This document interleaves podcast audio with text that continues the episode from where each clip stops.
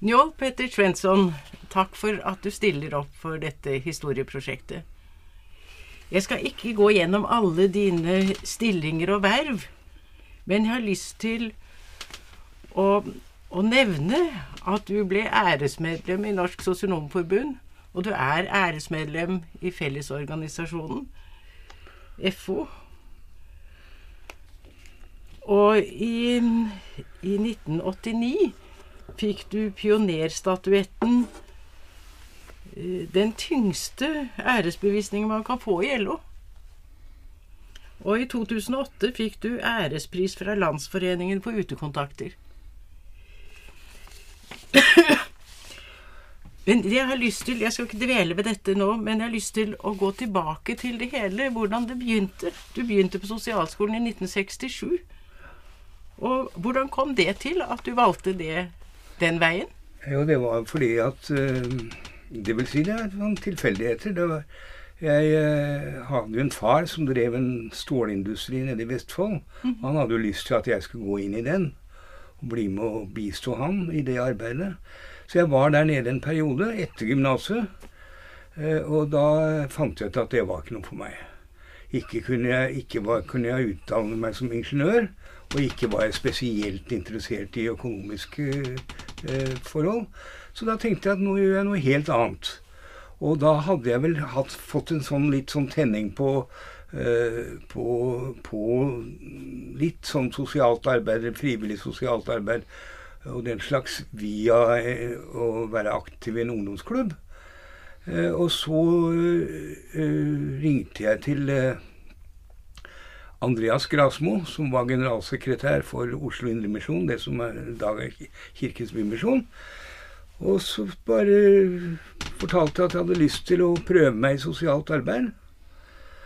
Og så ja. Og det, av en eller annen grunn så tente han på det. Så han lagde en sosialassistentstilling for meg på Hotell Gjennomtrekk. Som det da het, som var den laveste lavterskelinstitusjonen for Eh, for eh, alkoholiserte og hjemløse menn i hva, Oslo. Hva var Hotell Gjennomtrekk? Det var, en, eh, det var et holdt på å si inn fra gata, lavterskel. Du skulle få lov å være der i to, tre, fire dager. Derfor det heter gjennomtrekk. Og så skulle du sluses videre. Så sånn begynte det med sosialt arbeid. Mm. Si. Og, da, og, da, og da, jeg, da jeg hadde jobbet der en stund, så fant jeg ut at dette likte jeg veldig godt. Og da var det litt sånn valget mellom å, å søke sosialskolen eller å begynne å studere psykologi, som jeg også hadde tenkt på. Men så slang jeg inn en søknad om sosialskolen, og så kom jeg inn. Og så, så det var åpningen. Og så var, må jeg nok si at jeg ble løftet veldig i en veldig spesiell tid på Hotell Gjennomtenkt, for der var jo Gro Harlem Brundtland, Per Sundby, Odd Steffen Dalgard og Berthold Grenfeldt. Alle unge fremadstormende leger som drev en prosjekt og undersøkte løsgjengerne, som det da kalte, og deres bakgrunn. Og så dro de meg med, som på en måte like på, Det syns jeg var veldig fint. Mm. Jeg ble tatt med på like fot. Og det førte jo til at jeg, at jeg skrev noen bøker sammen med Per Sundby etterpå. Eh, det var, og det ble jo et veldig løft i forhold til å komme på sosialskolen. Mm. Så det var begynnelsen. Ja. ja. ja. Det var en pionertid før løsgjengerloven ble opphevet. Det, da. Ja, vi, vi skrev jo vi skrev jo eh, bl.a. Eh, en sånn liten bok for Sosialdepartementet som het 'Løsengerne en skjønnhetsflekk på, på mm. velferdssamfunnet'. Og den ble dratt inn i diskusjonen om, om å oppheve løsgjengerloven. Mm. Ja, og så ble det sosialskolen. Ja. Og der engasjerte du deg også. Ja i bl.a. i noe som het Fellesrådet for sosialskolestudenter. Hva slags organ var det? Det var et fellesråd for sosialskolestudenter. Altså en, en, en, en sammenslutning av studentene i hvert, i, på hver sosialskole. Stavanger, Trondheim og Oslo. Det var det som var den gangen. Mm -hmm. og, og, de hadde en sånn felles hvor, hvor elev, elevrådslederne som det het den gangen, kom sammen i fellesrådet. Og så valgte de en leder, og det var da meg. Så jeg ble valgt som leder av det, det fellesrådet. Og fikk sånne engasjementet i sosialt arbeid og i utdanningspolitikken og i, og i sosialpolitikken, ikke minst. Styrket gjennom det arbeidet. Så det engasjerte dere i disse spørsmålene, Ja, dere som var studenter Ja. på den Det var, det var en periode, vet du. 67 til eh, 70. 68 eh, opprør og det hele. Og all aktiviteten på, på universitetene og høyskolene. Og den skolen jeg gikk på, den var nok en, relativt tradisjonelt konservativ skole. Den var jo Norske kvinners nasjonalråd. Så det, der ble krasjet enda større Ja. enn på andre steder. Men så, etter skolen, da du var ferdig i 1970, hvor gikk veien da? Eh, Da gikk veien direkte til uteseksjon. Da- Jeg hadde jo noen flere tilbud, men det var uteseksjon som var, ble jeg interessert av. Så da begynte jeg eh, som, eh, som holdt på å si som medarbeider og drive med oppsøkende virksomhet i uteseksjonen. Og Det syns jeg var veldig meningsfylt, og det ble jo preget veldig mye av hele min Det ble preg på helt, veldig mye av min seinere karriere eh, den, eh, den tida i uteseksjonen. Og det som, jeg, det som jeg fikk for meg da, veldig klart, det var jo at eh, at man kommer tidlig inn før det Altså noen ganger så er det jo altfor seint. Men å komme tidlig inn eh, og bryte en, en, en negativ utvikling, det var det vi hadde som eh, Det var, erfarte noen av oss som veldig viktig. Og det ble liksom en sånn eh, eh, Skal vi si en sånn ledestjerne for mitt engasjement seinere. Jeg var jo da med i eh, 1980, så var jeg en del av det offentlige utvalget som skrev NOU 37, tror jeg den het, om oppsøkende virksomhet. Eh, og, da, og det ble jo liksom bibelen for de oppsøkende virksomhetene i Norge. Og seinere så har jeg jo i 2003 så skrev jeg jo en, eh, en eh, bok for Europarådet om outreach work blant unge stoffmisbrukere og unge marginalfolk. Og det, ble liksom, det var for å løfte opp tidlig intervensjon. Og det kom også som en sånn reaksjon på hele det derre skal vi si, eh, utviklingen innen rusomsorgen med ty fokuserte tyngre og tyngre. Altså på de tyngre og tyngre. Med metadon og med, med lavterskeltilbud. Og, eh, og eh, så Og da glemte man jo.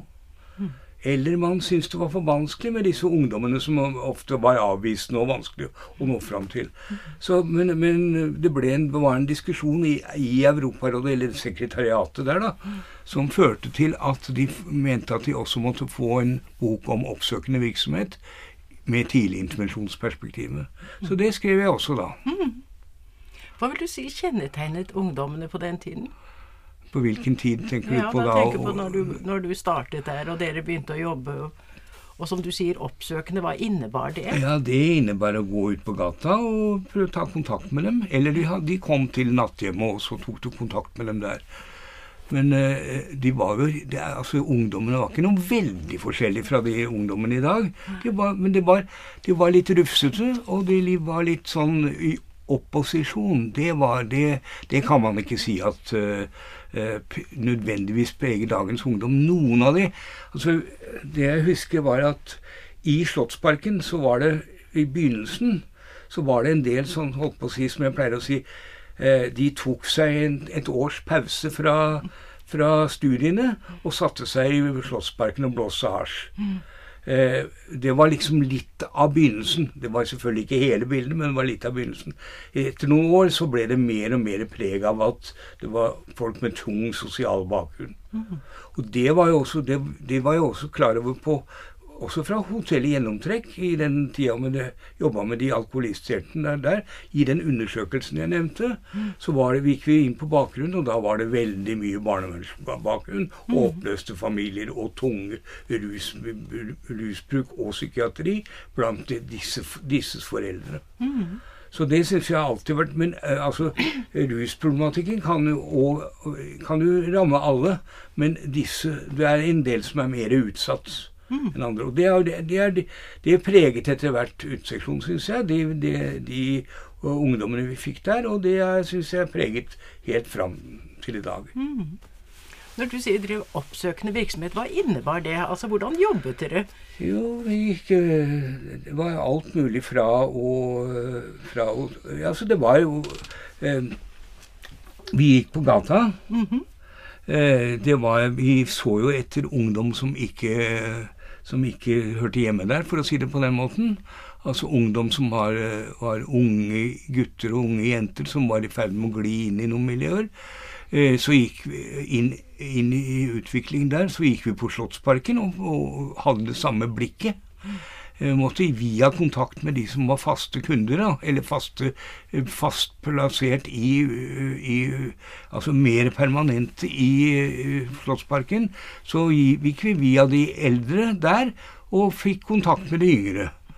Og så var det, husker jeg, at vi drev oppsøkende virksomhet nede på Vaterland, i det der I nærheten av der hvor, hvor de nå i den nå er det den er Hva heter den? den, den, den, den Plata? Nei, ikke Plata, men Et sted å være. Nei, ja, på Et sted å være het det den gangen. Men der nå er den derre konsert der, Å ja. Oslo ja, Ja. Spektrum? Oslo Spektrum, ja. Ja. I det området der så, Der var det bl.a. noen gamle hus. Og i de gamle husene så var det en del eh, slitne ungdommer som hadde eh, eh, tatt bolig og okkupert. Så gikk vi der også. Og så et sted å være. Som også ble et sånt sted hvor, hvor det samla seg en del både litt sånn marginale ungdommer og en del aktivisti, akti, aktivistiske studenter. Jeg har hørt fortalt at dere også gikk hjem til ungdommens foreldre. Ja, det gjorde vi. Og hva, hva, hva ville dere med det? Og hva skjedde da, når dere kom Der det fremdeles var noen øh, øh, holdt på å si noen relasjoner mellom den unge og foreldrene, det fant vi nå ut av. Om det var noe vits i. Men i den grad vi hadde rømt hjemmefra eller hadde noe uoppgjort hjemme, og vi tenkte at her er det uansett bra at man tar en prat med foreldrene, så øh, prøvde vi å motivere disse unge til å bli øh, til å reise hjem, og da øh, hadde vi tilbud om å, å bli med dem. Og noen ganger så så øh, ja, Ofte gikk det sånn at vi ble med hjem, og noen ganger gikk det veldig bra. Jeg husker en, et, det er en situasjon jeg aldri kommer til å glemme. Det er at jeg sto i et, en heis i, i, i et, en offentlig hus i Oslo sentrum. Og i den heisen står det en eldre dame og står og ser på meg. Og så sier hun eh, Ja, du kjenner ikke meg igjen? Nei, så jeg måtte innrømme at jeg kjente ikke henne igjen. Jo, det Hun husket meg veldig godt, for det var jeg og en kollega som hadde vært hjemme med den 14 år gamle dattera.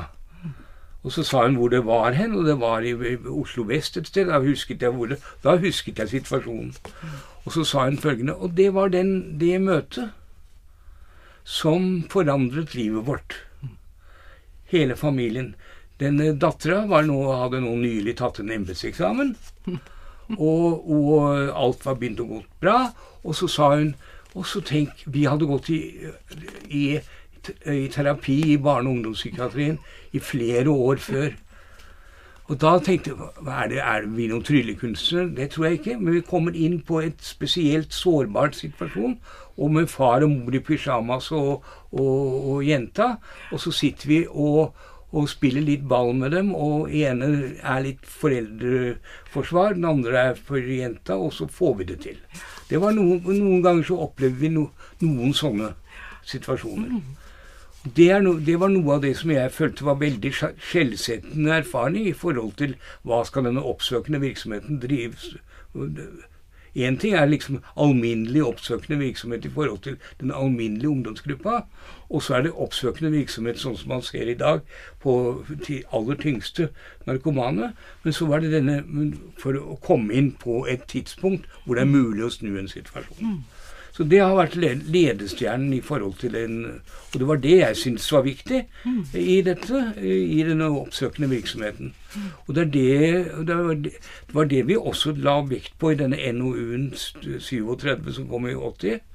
Eh, og som førte til en veldig vekst i AUT-kontakter rundt i landet. Og det har vært det, har vært det perspektivet som har vært med og drevet dette fram. Du ble etter hvert leder av utseksjonen også, og var det i en årrekke? Nei, ikke en årrekke. Ikke en årrekke. Nei, jeg var leder et ja, knappe to års tid. Ja.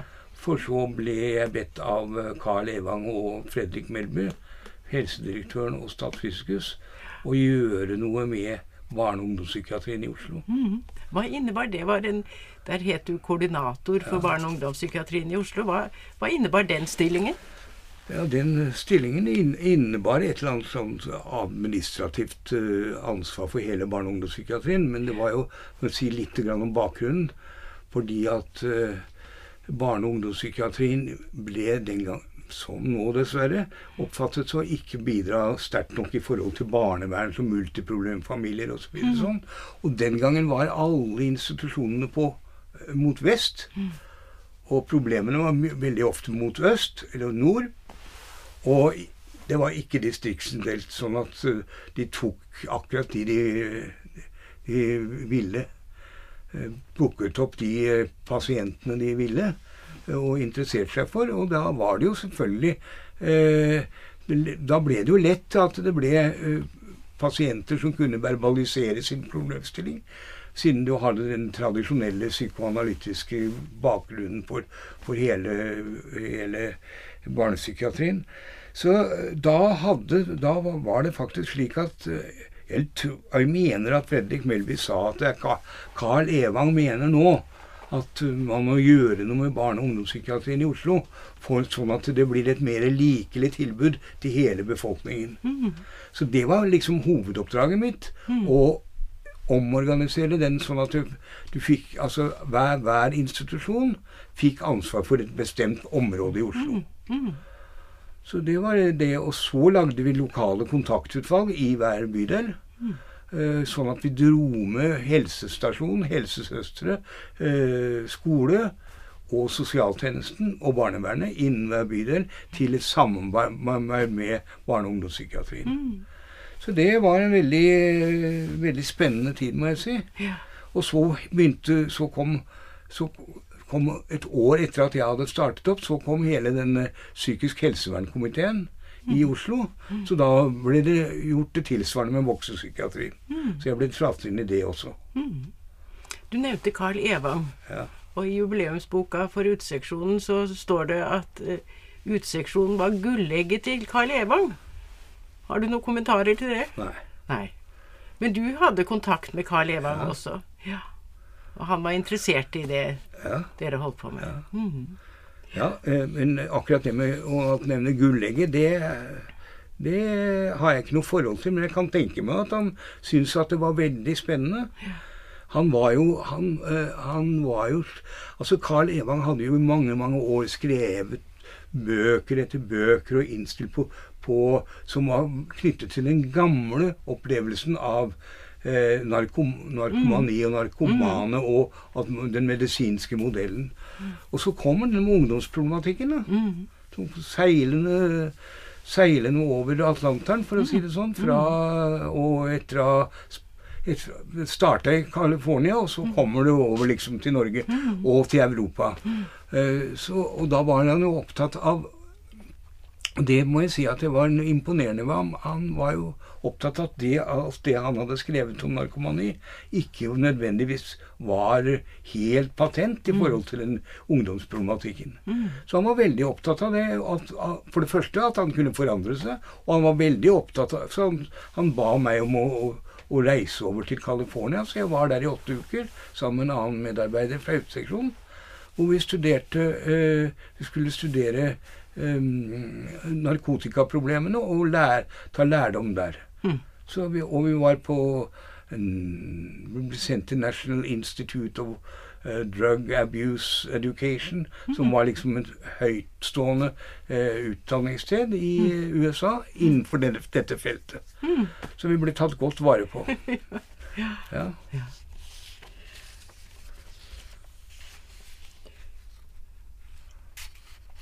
Etter hvert så engasjerte du deg også i Norsk Sosionomforbund. Og ble leder der.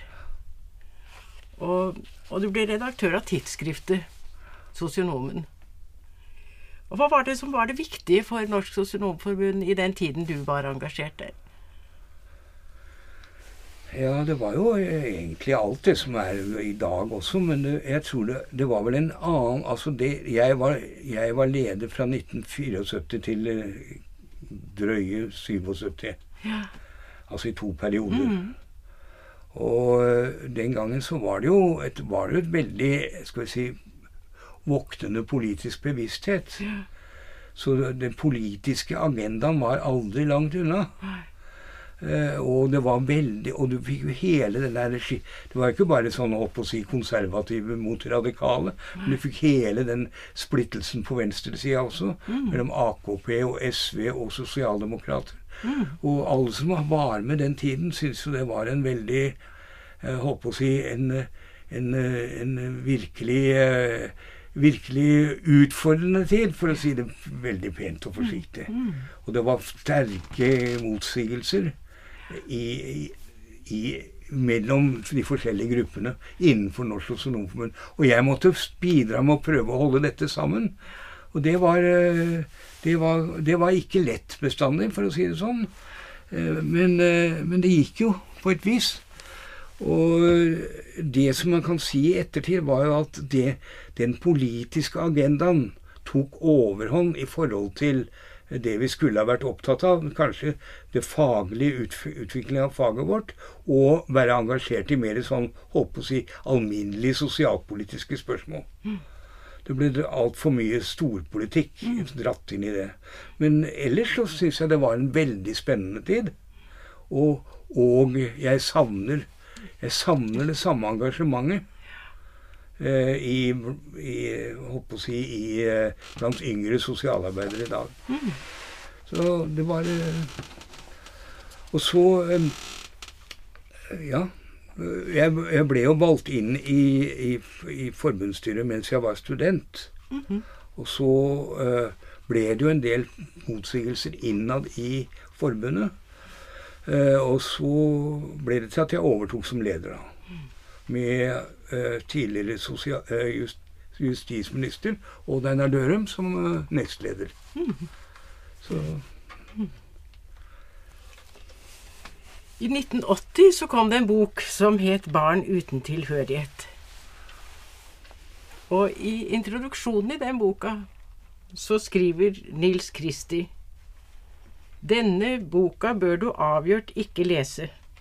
Han kaller den et skrik. Hva ville du med boka? Nei, altså, det var jo Det var jo slik at uh, den, den baserte seg på en undersøkelse jeg foretok. Og den undersøkelsen den, den, kom, den begynte jo allerede den gangen jeg var koordinator fra barne- og ungdomspsykiatrien, eh, med å med å, Nå må vi se på hva er det hva er, Hvorfor er det noen vi ikke aldri når fram til? Eh, og, og da ble jeg litt opptatt av det, og så eh, eh, så gikk jeg jo oppe på det Institutt for høyere sosionomutdanning, så jeg hadde tid. Eh, og og da, had, da tenkte jeg jeg gjør en undersøkelse på de aller tyngste eh, barnevernsungdomsklientene vi har. Så jeg fikk et utvalg av dem, og de hadde en liste Den gangen var det barnevernskontor i Oslo. Hadde en liste på, på disse såkalte hjemløse gatebarna, som de kalte det. Som også var registrert i, i, i, i, bar, i barnevernet. Og så gikk jeg gjennom hele deres historie. Fra A til Å, fra fødsel til eh, dags dato. Og så opplevde jeg at eh, de har blitt flytta på og flytta på og flytta på. Eh, de hadde aldri fått festa seg ordentlig. De var, de hadde, mange av dem hadde en veldig vanskelig familiebakgrunn.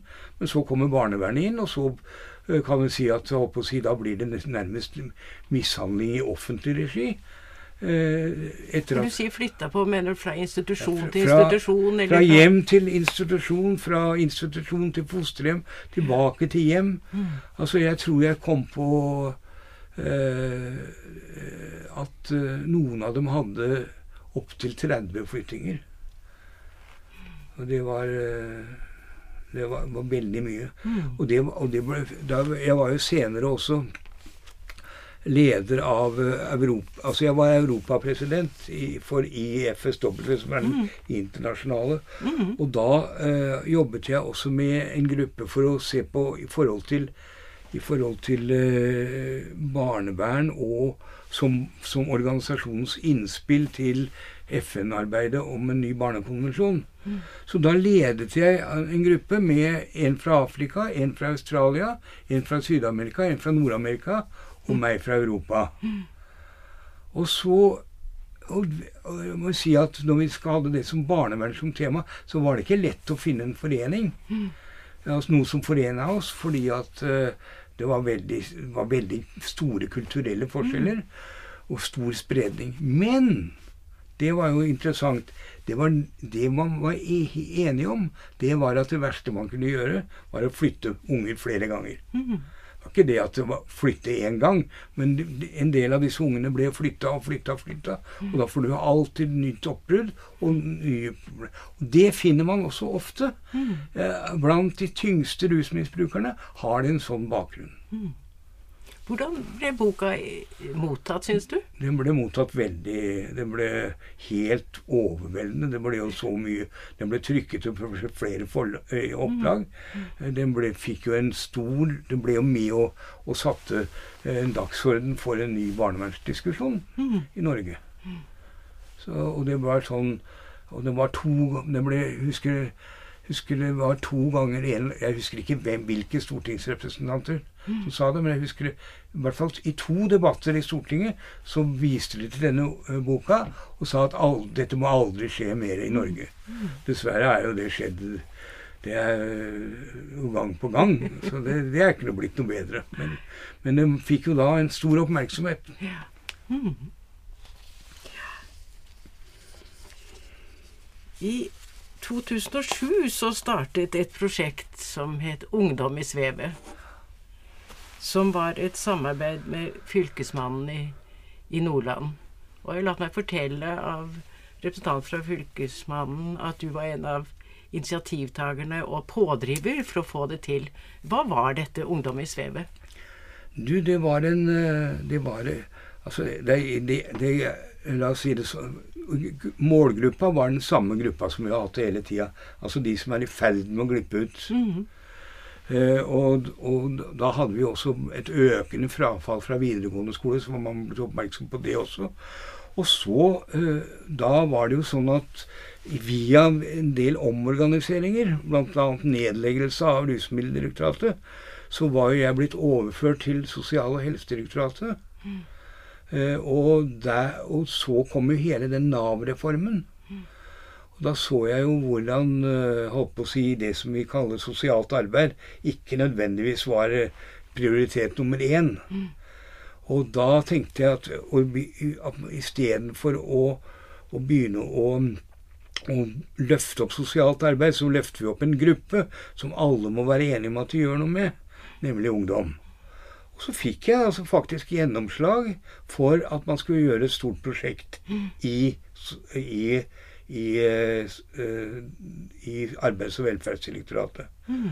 Og, og, det passet jo da fordi at det kom jo da med et initiativ fra uh, Nordland hvor uh, tre jenter, veldig godt skolerte sosialarbeidere og forskere, mm hadde fått med seg Fylkesmannen på å sette i gang et prosjekt.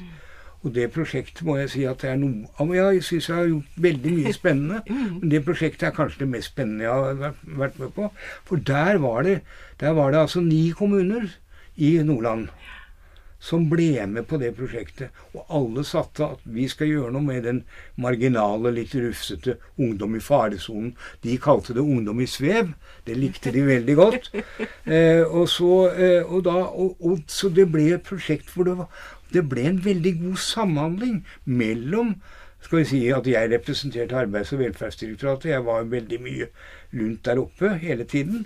Eller hele den perioden. Og så ble det en veldig nær og fin samhandling mellom eh, Arbeids- og velferdsdirektoratet, Fylkesmannen, kommunene og Høgskolen i Bodø. Mm. Som jo nå er, ble en universitet, da. Eh, Men, eh, og det, ble, det ble altså, Hvis du ser tilbake på den, så var den helt ideell Du hadde høyskolen med forskningsressurser. Så hadde Fylkesmannen, som var det nære, nære administrative leder, Så hadde du alle disse eh, kommunene med. Og det var selvfølgelig forskjell på disse kommunene. Men noen av de kommunene var jo helt overentusiastiske og gikk inn og prioriterte om i forhold til eh, kommunens opp, eh, vanlige prioriteringer, sånn at denne gruppa ble godt ivaretatt. Så det ble en veldig fin eh, erfaring, syns jeg. Og det ble en fin avslutning på min yrkesaktive periode. Så, det var, og det, det, og det, da den ungdom i Sveva-perioden var over, så ble det så fikk de ekstra midler til å formidle. Så det de var også sånn at eh, erfaringene fra dette ungdomsmuseet ble da formidlet rundt i hele landet etter hvert. Der reiste, Det var ikke jeg med på, men det var disse tre jentene. Ja, så det var det jeg skulle til å spørre om, om at dette ble en modell for resten av landet. Ja. Men, men du vet, det er eh, det er ikke slik at uh, man, er, man, kopierer og, og, og lar seg begeistre av andre rundt omkring. Det er, det er veldig forskjellig. Noen, noen, noen, I noen fylker og noen kommuner var de syntes dette var veldig interessant. Andre nådde det ikke Det kom ikke lenger enn til fylkesmannen, og så gikk det ikke lenger ut. fordi det var, det var ikke engasjert nok. Eller. Og det har vært en hele tiden fra vi begynte i Uteseksjonen i 1969. Og det å prøve å løfte opp engasjementet på akkurat denne ungdomsgruppa, som jo må være ærlig nok å si at det er ikke de mest sjarmerende Altid. alltid. At, at de er provoserende, og de er vanskelig tilgjengelige og ber deg dra til helvete. ikke sant? Og det, det er mye lettere å jobbe med de tyngste narkomane, eller de som er bare snille. Men den, denne gruppa her, som er veldig vanskelig, det er liksom å få det, holde fast i det. Og det er det jeg syns har vært viktig, og det var det jeg syns var viktig i øh, det prosjektet oppe i Nordland også. Og da klarte vi det, i hvert fall i den prosjektperioden. Øh, Så er det, litt mer tilfeldig hvordan, folka, hvordan det er blitt fulgt opp i andre steder. Du nevnte den organisasjonen IAS IF, SW. IFW, Ja. Og du var en tid europapresident der. Nå er du leder av den norske avdelingen som heter Foreningen for sosialt arbeid. Ja, I en annen internasjonal organisasjon. Ja, For IFSW, det er for de Ja, profesjonelle. Akkurat. Unnskyld. Eh, og, ja. Mens nå er det ICSW, som er eh, velferdsorganisasjonene, altså som f.eks. Kirkens Bymisjon, eh, FO, eh, Frelsesarmeen eh, og den slags organisasjoner som er en del av eh, altså en paraplyorganisasjon. Oppå paraplyorganisasjoner også ofte. Så det er den norske foreningen er det, som vi er medlem der, det er, eh, den heter Forening for sosialt arbeid. Den het fram til for to-tre to-tre to, to-tre år siden, så het den Norsk forening for sosial, helse- og sosialforum. Norsk helse- og sosialforum het. Men ettersom utviklingen de siste 10-15 årene er blitt Helse overtar mer og mer, og det sosiale er kommet mer tilbake, så bestemte vi oss for at vi skal i hvert fall løfte opp navnet sosialt. Så derfor så omdefinerte vi foreningen til Forening for sosialt arbeid. Hvilken oppgave vil du si den foreningen har, både her i Norge og også det er en medlem av en verdensorganisasjon, og i verden for øvrig? Ja, altså det er det, når man begynner å snakke om hva, hva, hva, man bidrar med i verden, så er det alltid vanskelig å, å, å, si. Jeg pleier å si det sånn at først og fremst så er det at man er en del av det internasjonale. Altså internasjonale sammen. Så man kan jo heller si det motsatt. Hvis Norge og Sverige og Danmark og de andre rike landene hadde meldt seg ut, så hadde verden sett annerledes ut. Sånn at vi må være med i, være forpliktende til å være med i sånne internasjonale organisasjoner. Dernest så er Og det mener jo også da myndighetene. For de har gitt oss Vi får en liten slump penger. 140 150 000 i året. Som skal dekke medlemskontingenten i ICSW. Og aktivitetene der.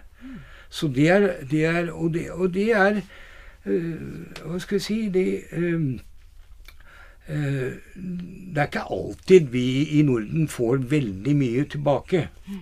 Fordi vi er vel av de mer skal vi si, langtidslangtkommende i sosialpolitisk tenkning og i velferdssamfunnsmodeller. Eh, så der er det jo ofte vi bare er med som støttespillere. Eh, men ellers så er det altså sånn de sosialpolitiske spørsmålene. Sosial plattform Eh, solidaritetsarbeid innenfor denne verdensorganisasjonen. Mm. Og det, er, det, har vært, det, har vært, fra 19... Ja, 1970-årene eller noe sånt noe, tenker jeg, vært hovedoppgaven for den Norsk helse- og sosialforum, som det da het. Mm. Så uh, Og egentlig så er det en, Hvis du går tilbake 100 år, så var det, Da het den også Norsk forening for sosialt arbeid.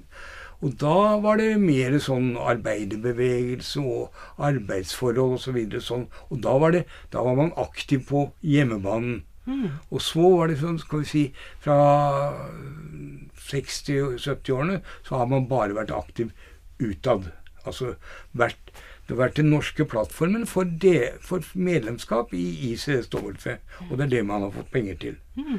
Men så har vi de siste eh, skal vi si eh, ja, siste åtte årene engasjert oss mer og mer inn i skal vi si, relevante sosialpolitiske spørsmål. En organisasjon som vår, som ikke har noen ressurser annet, annet enn det er ren frivillig basis, mm. eh, kan ikke drive og ta det ene temaet etter det andre. Der har vi valgt Nav og barnevern. Mm. Og, vi, og, barnefattigdom. Og det fortsetter vi med. Mm. Så det er, det er, der vi har hatt fokus. Der har vi fått med de andre nordiske landene. Så vi har hatt nordiske seminarer. Og vi har hatt uh, noen seminarer uh, omkring det temaet uh, tidligere. I år, i fjor. Og vi skal ha et nytt et nå i, i slutten av april. Hvor vi skal ta, prøve å få et debattseminar om barnefattigdom. Hvorfor Det er utrolig. Jeg syns, jeg syns mange at vi lever i et sånn steinrikt samfunn. Og likevel så vokser fattigdommen og, og barnefattigdommen. Det, er, eh, det blir liksom registrert for hvert år, så er det økende. Så her er det noen utfordringer, så det prøver vi å ta litt fatt i, da. Mm. Så det er, eh, det er, eh, det er den hovedoppgaven vi har her hjemme. Ja. Mm. Og så grunnen til at vi grunnen til at vi eh, engasjerte oss sterkere i skal vi si, nasjonale no, eller nordiske spørsmål, var at vi syns kanskje ikke fagforeningene var eh, nok på hugget i forhold til sånne typer sosialpolitiske eh, spørsmål. Mm. Ja, vi har vært innom mange temaer og tidsperioder. Er det ting som du sitter på og brenner for som vi ikke har vært innom? Nei, for så vidt ikke. Jeg syns vi har uh, gått gjennom uh, det som jeg har vært engasjert i. Ja. Altså, jeg, jo, jeg hadde Altså, jo da. Det var det, det var Altså, i, i 80-åra så kom jo hele hiv-aids-problematikken. Og da var jo ikke minst uh, stoffmisbrukere blitt sett på som en, som en, en skal vi si, et smittereservoar i forhold til den alminnelige befolkning. Så, og da var det dårlig med planer på hvordan man skulle møte det. Så jeg lagde en plan om uh, tiltak mot hiv, aids og stoffmisbruk. Uh, som førte til at uh, Oslo kommune lagde, mange, lagde en egen prosjektkontor, eh, hvor jeg ble leder av det prosjektkontoret, for å, å arbeide med tiltak mot uh, uh, hiv-aids. Det var det ble, i, i, korthet gikk jo det ut på at man økte behandlingskapasiteten. Og eh, det med oppsøkende virksomhet. Det, da, da, med holdt på å si og, og at disse stokkmisbrukerne, det var sprøytenarkomane, eh, fikk rene sprøyter. Altså man delte ut sprøyter. Og man lærte dem opp eh, til å, holdt på å si, ha en sikker seksualatferd. Og det som jeg syns var veldig fint med det der, er, det er vel en av de, å si, de, få områdene man kan se at det hadde resultater. For internasjonalt og nasjonalt så pekte alle prognoser gikk rett i værs. Uh, men det, uh, dette, dette Da var det en under 10% nysmitte år om annet i den gruppa. Og det var den gruppa som var så på den mest smitt, smitt ble regnet som den mest faretruende smittsomme gruppa. Så det, og det var jo noen år, da. Fra 1986 eh, til 1990. Mm. Jeg hadde ansvar for det. Og så vil jeg også gjerne nevne at uh, i 19, omkring 1980 så ble det jo en veldig stor oppslag uh, et, et, også etter den boka mi, men det var ikke en direkte, nødvendigvis direkte følge. Så ble det en veldig oppslag om gatebarn i Oslo. Det ble ene overskriften etter den andre, både Dagbladet og VG, og hele, at barn som går til grunne. Og da lagde jeg en gatebarnsplan til, eh, til, eh, for å komme litt, være litt aktiv i forhold til den problemstillingen. Mm. Så det, en del av den konkrete eh, av den planen, den ligger, den, det er, ligger oppe på Ullevål sykehus i Utelveien. Det er Barnevernets ungdomssenter mm. som ble en del av det, det, det tiltaket. Mm. Så begge de to syns jeg var veldig meningsfylt, opp, meningsfylte oppgaver. Som jeg ser tilbake på den Først og fremst ser jeg tilbake på den spennende tida i uteseksjonen. Men så hele den skal vi si, den problem, problemstillingen med å jobbe med, med, psykiatrien for å få det til å håpe å si rettferdighetsgreiene. Så det ble, syns jeg var politisk, sosialpolitisk viktig. Og så eh, kommer den, den, episoden med gatebarna og barnevernsproblematikken, og den episoden med hiv-aids-stoffmisbrukerne. Og så eh, ble det kronet det hele, eller eh, med, med ungdom i svevet. Mm. Så da syns jeg vi har vært innom det viktigste som jeg har erfart med, med, med min yrkeskarriere. Som har vært veldig spennende, må jeg si. Mm, mm. Ja, Da gjenstår det å si tusen takk for at du stilte opp. Ja. Jo, takk.